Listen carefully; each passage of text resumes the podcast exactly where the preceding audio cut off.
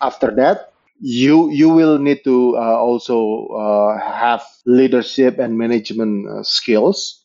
Because uh, when you climb up the ladder gitu kan dari developer jadi dev lead you will start manage and lead some people gitu ya. Terus jadi dev manager jadi VP engineering atau eventually you become a CTO your scope will get bigger and bigger. And as you climb up the ladder yep. you will build Selamat datang di Ceritanya Developer podcast yang menampilkan developer, programmer, atau engineer Indonesia inspiratif yang tersebar di seluruh dunia. Bersama saya Riza, kita akan menggali bagaimana mereka berjuang, suka dukanya dalam perjalanan karir, hingga kesalahan konyol saat ngoding. Podcast ini diproduksi oleh Deep Tech Foundation, sebuah startup non-profit yang punya misi menyetarakan talenta digital di Indonesia. Sosok yang satu ini pernah menjadi senior evangelisnya Microsoft, juga pernah uh, menjadi co-founder dan uh, eh, CTO dari BJ Indonesia. Mari sekarang kita dengarkan cerita dari Norman Sasono, CTO dari Dana Indonesia. Halo Bro Norman, gimana kabarnya? Baik-baik Riza, thank you for the invitation. Iya, sama-sama udah menyempatkan waktu juga. Nah, sekarang kita nih penasaran banget nih, pengen tahu awal tertariknya belajar ngoding uh, seorang Norman ini kapan sih? Dan gimana? Boleh diceritakan mungkin? Oke, okay. jadi uh, saya pernah pertama kali introduce to computer itu waktu sekitar SMP gitu. We have a PC, terus mostly cuma doing games lah gitu ya. Terus kemudian pas SMA baru mulai serius belajar coding karena di sekolah dulu ada kayak ekskul gitu tentang coding. Terus uh, I got perfect score di ekskul itu. Terus uh, ya sejak itu uh, interested aja sama coding gitu. Kan uh, I always interested to uh, subjek kayak matematik, uh, fisik, ya fisika, matematika, suka yang ke arah situ gitu. Terus coding is pretty close to that gitu. Jadi uh, I like it as well gitu. Cuman waktu kuliah uh, saya nggak pilih uh, coding, nggak pilih informatik atau computer science maksud maksudnya gitu. Jadi uh, waktu itu saya jauh lebih tertarik ke fisika. Jadi waktu itu kuliahnya saya satu tuh ngambil di fisika teknik gitu. Dan ternyata di uh, kampus jurusan itu pun ada banyak sekali coding uh, activities gitu untuk menyelesaikan tugas uh, kuliah maupun di lab gitu ya. Banyak semua hampir semua mata kuliah tuh harus diselesaikan dengan komputer dan programmingnya dulu sih lebih ke arah uh, numerical analysis gitu ya. Coding-coding yang uh, pakai MATLAB, uh, matematika, Wolfram yang ke arah situ. Mungkin begitulah ceritanya dari SMP, SMA belajar coding, kuliah juga banyak uh, aktivitas codingnya. Jadi coding is part of uh, what I study. Terus ya dulu waktu kuliah juga kan course gitu ya, uh, ada banyak uh, jurusan lain juga. Ada anak elektro, ada anak informatika, and so forth. Uh, terus ada banyak tugas coding dari masing-masing jurusan. Uh, yang menarik dulu, saya selalu bisa bantu gitu teman-teman di jurusan informatika atau elektro yang punya tugas coding.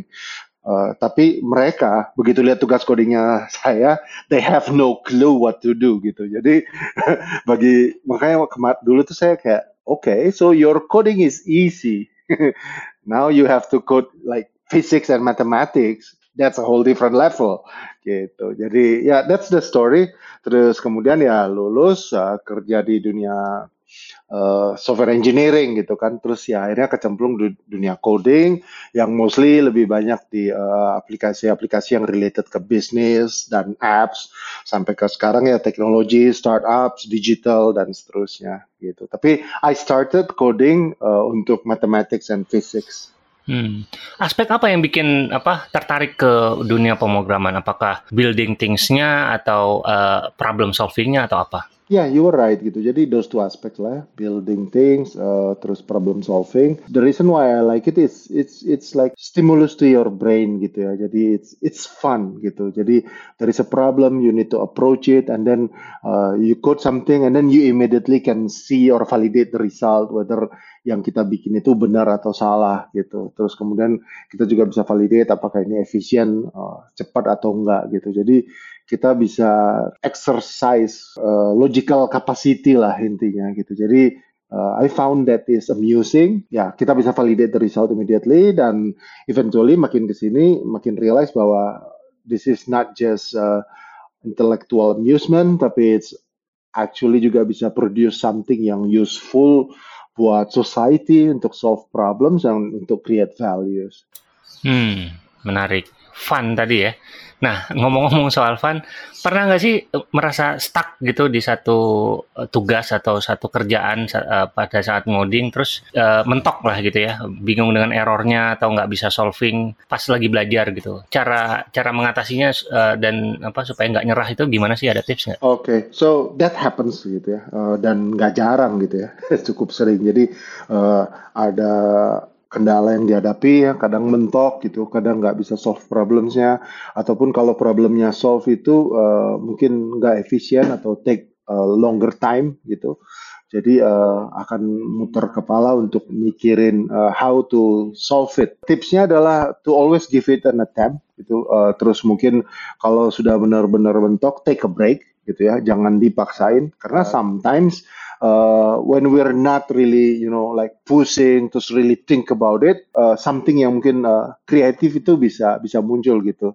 Jadi uh, sometimes gitu ya I figure out a solution itu mungkin uh, saat lagi nyantai saat lagi tidur kadang-kadang ke bawah mimpi terus atau lagi mandi gitu take a shower uh, all of a sudden kayak terbersit aja gitu. Oh I should try this one. And then habis itu coba try and lihat resultnya gitu. Jadi uh, just uh, keep going, give it a try, uh, give the attempts, and then kalau benar-benar mentok, uh, take a break and then go back at it. Uh, luckily gitu kan zaman sekarang you have internet gitu, jadi uh, we can always find uh, benchmark, we can always find uh, similar problem, similar solution in the internet gitu.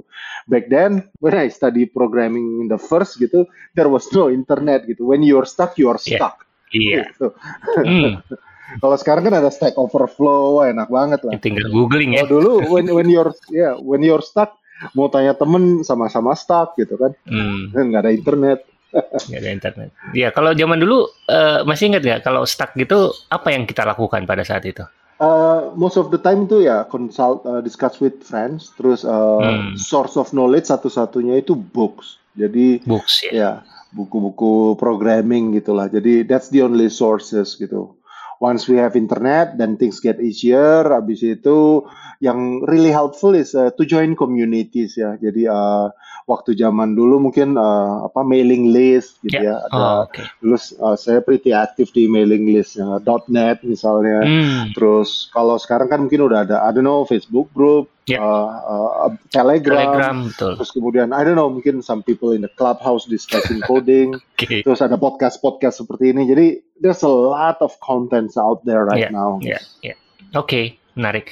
Nah, kalau bisa dijelaskan secara singkat nih perjalanan karir dari awal sampai saat ini. Ya, tadi uh, saya mention uh, saya study uh, fisika teknik gitu, fokusnya di uh, instrumentation and control engineering, uh, terus fokusnya dulu tugas akhirnya uh, di area control engineering, uh, applying artificial intelligence. Jadi dulu pakai Logic untuk solve problem di area control engineering lah get some physics model. Dari physics model itu try to solve secara analitik matematik terus di compare resultnya kalau di approach secara fuzzy logic. Jadi comparing antara hard computing dan soft computing to see the result. Tapi begitu lulus akhirnya endapnya kerjanya ya di di software engineering uh, yang related ke bisnis gitu. Jadi uh, the first one uh, I was in core banking system uh, company gitu develop core banking system. Some leading banks di Indonesia using that core banking banking system. Jadi we customly develop for each of these banks gitu.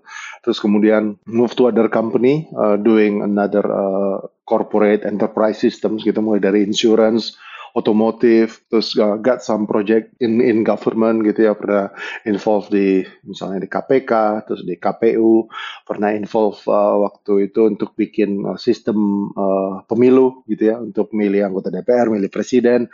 I think it was in 2004 gitu, zamannya SBY dulu yang waktu itu akhirnya menang di pemilu. Kemudian I end up in Microsoft gitu. Uh, diajak uh, join Microsoft in the developer and platform team. Terus kemudian ya yeah, a lot of stuff uh, we've been doing in Microsoft. Apa? Uh, drive new technologies new APIs new programming language new framework new tools uh, back and forth uh, di our headquarter di Redmond terus bawa lagi ke Jakarta untuk kita implement di Indonesia dan seterusnya. And then uh, I have a friend yang uh, asked me to uh, give it a try to test uh, if we build a startup gitu. Jadi uh, I help a friend waktu itu uh, bikin Loyalty Express marketing platform. It's a bootstrap startup.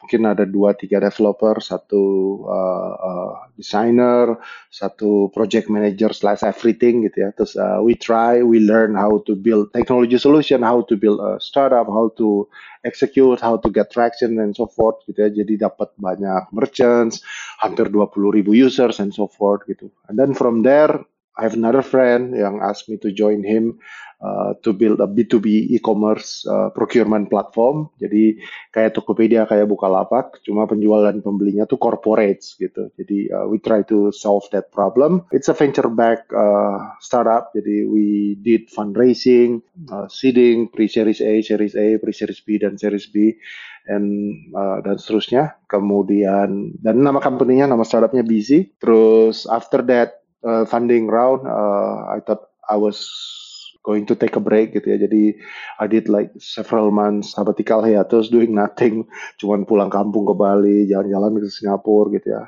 Terus until I think okay I want to do something else. Terus uh, talk to many people dan kemarin itu yang uh, I feel fit, interested and passionate on what is Dana Indonesia is doing gitu. So I joined Dana waktu itu uh, it's a very new company gitu ya. Uh, application juga belum version 1.0. I, I joined Dana and then uh, as a CTO terus continue build the team, continue build the app, the platform, the system, terus drive the traction until today gitu ya. Terus ya kita udah close let's say last year uh, di atas 50 juta users. 2019-2020 kita app nomor satu di kategori finance di iOS, di Android. So it's it's pretty much uh, good result so far with Dana and uh, still with Dana till today for our next milestones lah gitu. Jadi more or less uh, kira-kira seperti itulah summary-nya. Oke, keren sekali ya. Nah, uh, ada momen atau kontribusi yang membanggakan nggak selama ini, selama berkarir di dunia teknologi? Jadi uh, I feel good gitu ya. What I did itu contribute and can create impact yeah. to the society gitu. Jadi misalnya gitu, uh, I was involved di satu project di KPK dulu develop yang namanya LHKPN, laporan harta kekayaan penyelenggara negara kalau nggak salah gitu ya. Jadi uh, ya maksudnya uh, that is some application, ada some analytics in the background, terus uh, it, it helps uh, the country gitu untuk untuk uh, fight corruption. At least results of my work uh, deliver good impact for the country gitu. Terus another thing waktu itu ya kayak misalnya di KPU gitu kan bikin sistem untuk dipakai di pemilihan umum pada hari H pemilihan umumnya sendiri untuk milih anggota DPRD 2, 1 dan DPR dan juga pemilihan presiden gitu. Jadi uh, it, it's something that I will proudly tell say, to my grandchildren gitu the future bahwa hey I did this in the past. I built a system yang dipakai pemilu di Indonesia gitu ya terus mengantarkan uh, kita punya presiden baru punya anggota DPR baru dan seterusnya so that is the kind of impact dan sekarang uh, let's say I'm I'm with Dana mm-hmm. uh, I'm also glad gitu karena uh, I'm helping Indonesia to reach financial inclusion hmm. to build Indonesia cashless society gitu. Kan Indonesia ada dua ya 270 juta orang Indonesia gitu. Yeah. Tapi yang uh, bankable mungkin ada no just 100 million gitu. Jadi majority orang Indonesia itu nggak bankable, nggak dapat financial services ataupun underbank. Hmm. Yeah. Sementara yang connect ke internet itu kan 170 juta orang. So, if we build something through mobile internet, kita deliver uh, financial services like payment services yang digital, kita bisa touch live up to 170 million atau mungkin nanti 200 juta orang Indonesia. Hmm. Dan sekarang kita udah lebih dari 50 juta orang Indonesia. So, I will always tell my team gitu, any line of code yang you write will touch at least 50 million people gitu. You can make 50 million people happy or pissed off gitu, kalau misalnya dia dia right box kan so that yeah. is the kind of uh, impact you know so mm. ya jadi kayak okay what I'm doing is not just you know kerja Senin sampai Jumat pagi sampai sore dan akhir yeah. bulan gajian but yeah. you are on a mission gitu sekarang baru 50 juta padahal orang Indonesia yang connect ke internet 170 juta so so there is still a long way to go Terus Hmm. orang Indonesia sendiri ada 270 juta, even longer way to go gitu. Jadi Okay. when we build the new features, when we write the new lines of code, we have that mission in mind gitu. Jadi we are driven. That feels good gitu. Jadi uh, coding yang tadinya cuman untuk kayak uh, kesenangan sendiri, hobi, eh ternyata dibayar, bisa gajian, you can you know like get a good life, make a living from coding. Now you can also make impact from what you love yaitu coding gitu. So that is actually good gitu. Jadi uh, for those who are developers, software engineers gitu ya, yang got paid to do coding, something that you love, and also uh, can create impact to people's life, that is a luxury gitu. Let's really use uh, that for the good. Jadi eh, sebagai kesimpulan singkat, banyak orang di Indonesia yang belum bahkan belum punya rekening, tapi dia punya handphone dan punya koneksi internet ya. Exactly, exactly. Jadi itu salah satu juga tujuan dari Dana ya Betul. untuk menjangkau Betul. mereka-mereka ini ya. Iya. Kalau sebaliknya, ada nggak sih momen-momen yang memalukan selama berkarir gitu? Apakah eh, bikin sistem terus tiba-tiba diserbu user terus langsung down atau apa gitu? Ada nggak sih? these things happen gitu ya. We build something yang eventually nggak pernah di ship atau never see the sun gitu. Jadi itu happen. Jadi bikin something berbulan-bulan project, terus akhirnya Eh, projectnya cancel hmm. atau nggak di ship. That that is kayak apa uh, heartbreaking dan break the moral, right? Yeah. Kita udah Yeah. apa berkeringat, bleeding and tears for this Hmm. project, terus nggak jadi ship. Atau something yang kita try to build and push hard but just did not happen gitu. Jadi let's say dulu waktu di Microsoft we really push Windows Phone gitu. kan. Oh. Ya. Terus Windows Phone mati kan, maksudnya Iya. it, it dies gitu, it, it- Hmm. ya mati gitu. Jadi ya udah, artinya dulu we really fight for it, we really uh, try to push for it, build apps di situ, build ecosystem, ngajarin developers bikin app di that uh, ecosystem, and then ya it just doesn't take off gitu. Another thing dulu inget juga waktu di Microsoft misalnya zamannya dulu lawannya dulu kan Flash ngetop banget gitu kan. Terus habis itu Microsoft bikin something like that Silverlight Silverlight iya bukan? betul. And Silverlight. then ya, ya sama juga Silverlight akhirnya mati Sama juga, gitu ya. Terus ya, JavaScript won the war kan basically. Oh, ya iya. so so these things happen gitu ya. Termasuk let's say our startup gitu Loyalty Express ya it, it didn't go nowhere juga gitu ya. Jadi it's it's hard to compete. Mm-mm. terus uh, back then kan salah satu big playernya waktu itu yang main di Loyalty itu OVO yang akhirnya dia transforming Hmm. ke jadi payment terus like OVO is so big now gitu kan. Uh, BC juga kemarin kita mesti Mhm. pivot yang tadinya fokus di B2B uh, marketplace e-commerce procurement platform. Terus because of the situation of Indonesia market dynamics for B2B akhirnya change fokusnya ke uh, distribution and retailer. So these things happen gitu terus ya sekarang di, di ya di Dana dan uh, so far so good hopefully we can be ya, as good lah Nah, kalau mentor, ada pernah punya mentor nggak sih selama karir? mungkin I don't really have someone yang designated as as mentor gitu ya, I call him Yeah. mentor gitu. Tapi I learn from a lot of people, a lot of different people.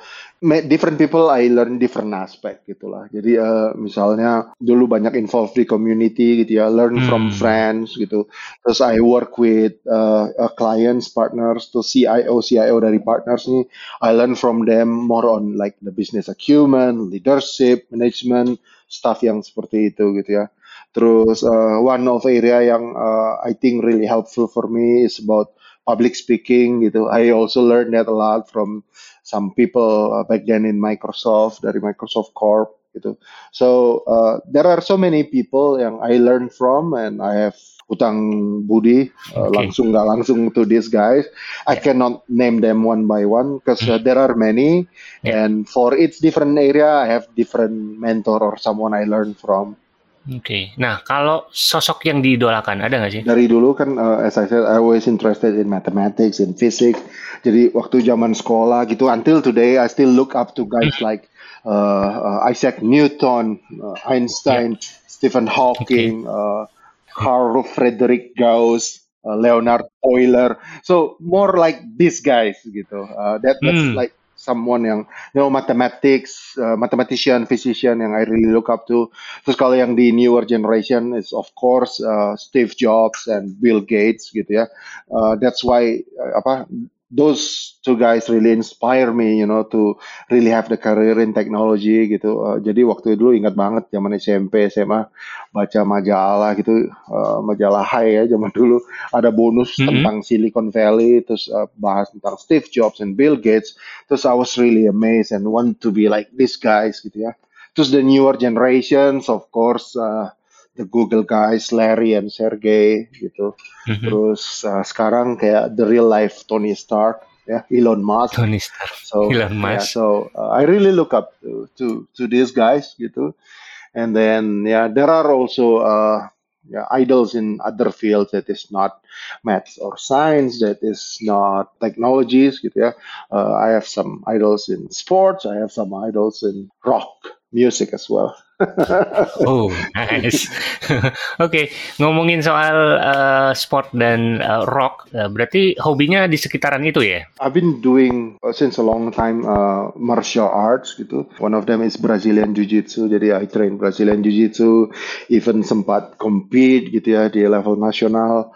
And then uh, lately gitu uh, the last three years, four years or so, lebih fokus di CrossFit, juga join di competition uh, di level global, jadi ada CrossFit Open. Even bulan ini every Saturday lagi compete nih, uh, Sabtu minggu ini adalah uh, minggu terakhir competition tingkat dunianya. Ya, yeah, I'm still doing this. Uh, I like to be active. I like to do some hard physical workout gitu ya, karena it's not just make you healthy and strong, but it also uh, build your character. It it helps to make your uh, mental stronger gitu. Karena uh, workout yang keras seperti CrossFit ini uh, most of the time it's not about your body getting weak gitu tapi your mental juga will be crushed and then how you are going to deal with that. Yeah that's that's what I love terus about music. I was really into music. I really like music. I listen to rock and reggae.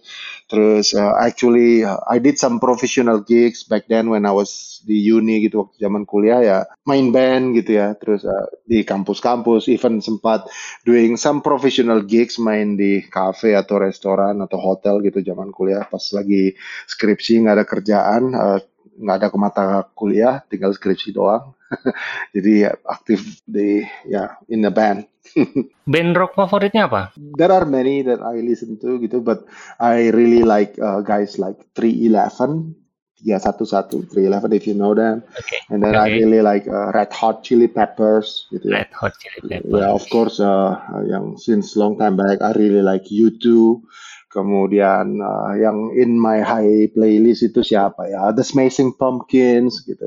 Kalau newer generation paling kayak 21 Pilots, Imagine Dragons, The Killers, guys lah. And then of course reggae, reggae, reggae all the way. You know, Bob Marley, Soja Revolution, yeah, a lot of okay. reggae bands. Stick Figure. Nice, nice. Oke, okay. nah uh, mungkin bisa di share lagi apa tips buat teman-teman nih yang ingin ya mungkin punya apa ya punya mimpi menjadi CTO suatu saat nanti. Mungkin ada skill-skill tertentu skill apa yang dibutuhkan untuk menjadi seorang CTO there are skill set yang sifatnya hygiene ya. Jadi uh, you should have it to really have a good career in in engineering, in IT, in software development in general, not necessarily just to become CTO. Jadi ensure you are really strong in computational thinking gitu ya, your capability untuk uh, doing uh, abstraction, untuk doing recognizing patterns, your capabilities untuk uh, break down problems, uh, decomposition problem into smaller problems, just thinking algorithmically. So uh, you need to also have a strong logical uh, uh, horsepower. So these things must be there, gitu, to make you a solid uh, uh, engineer or developer, gitu ya. And then after that, uh, you need to able to solve problem and create values uh, in a way yang efficient and productive. So you need to also be relevant. So you need to understand the platform, the products, the tools, the languages, and all the architecture, uh, the patterns, the principles around software engineering atau computer science. You should really know and understand all these things, gitu ya. Termasuk di engineering aspeknya about the uh, exception handling, how you handle uh, performance, scalability, availability, mm-hmm. uh, reliability, resilience of the system, understand security. So all these technical aspects you should be good at. But then that is just like a basic minimum requirements mm-hmm. gitu. Abis itu the next step yang you should really uh, pay attention to and yeah. you really need to work on is uh, your communication skills.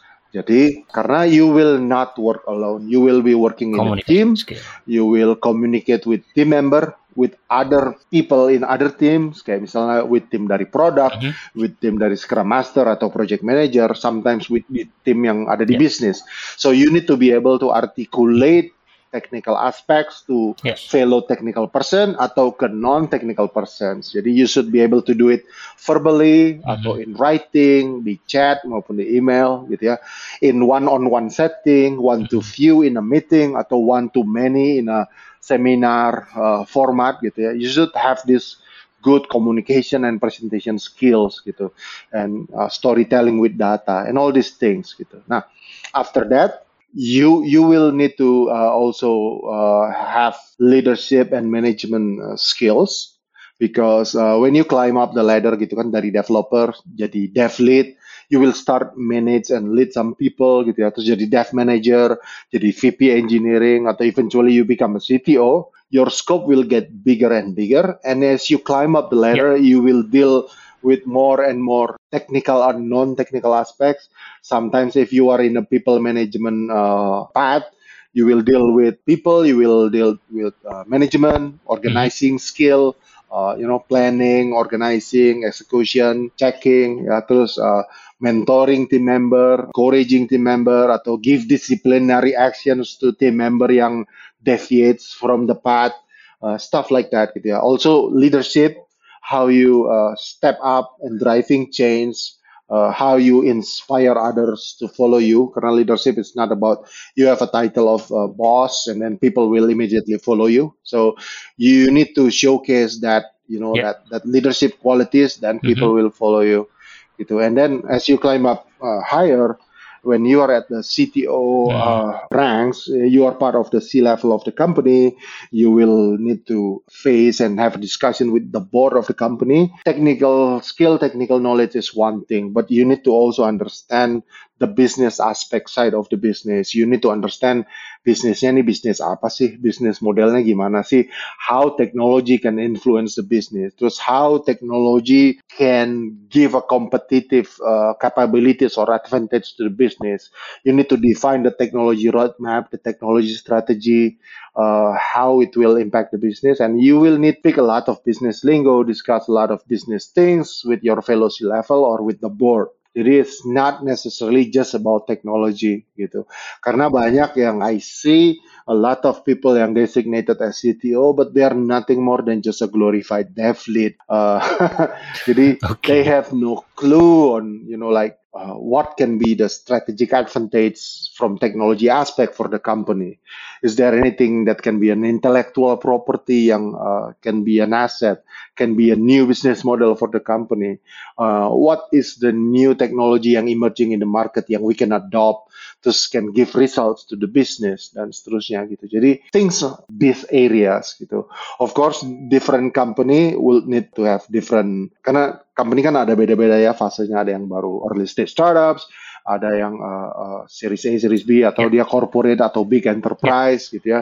Uh, company yang timnya mungkin developernya baru 4 5 orang, 6 orang gitu atau yang 50, 100 atau 500 orang would need a different capacity gitu. Jadi some early stage uh, CTO atau uh, dev lead co-founder uh, may be able to adapt to bigger team, bigger uh, tech problem, bigger business problem that needs to be solved by tech some just cannot. Uh, you need to understand gitu ya. Uh, also whether you do have the interest gitu to work on these things gitu. Oke, okay, wah banyak sekali ya tipsnya ya, luar biasa. Udah lengkap ya dari dari awal sampai jenjang yang paling tinggi. Terima kasih uh, tipsnya.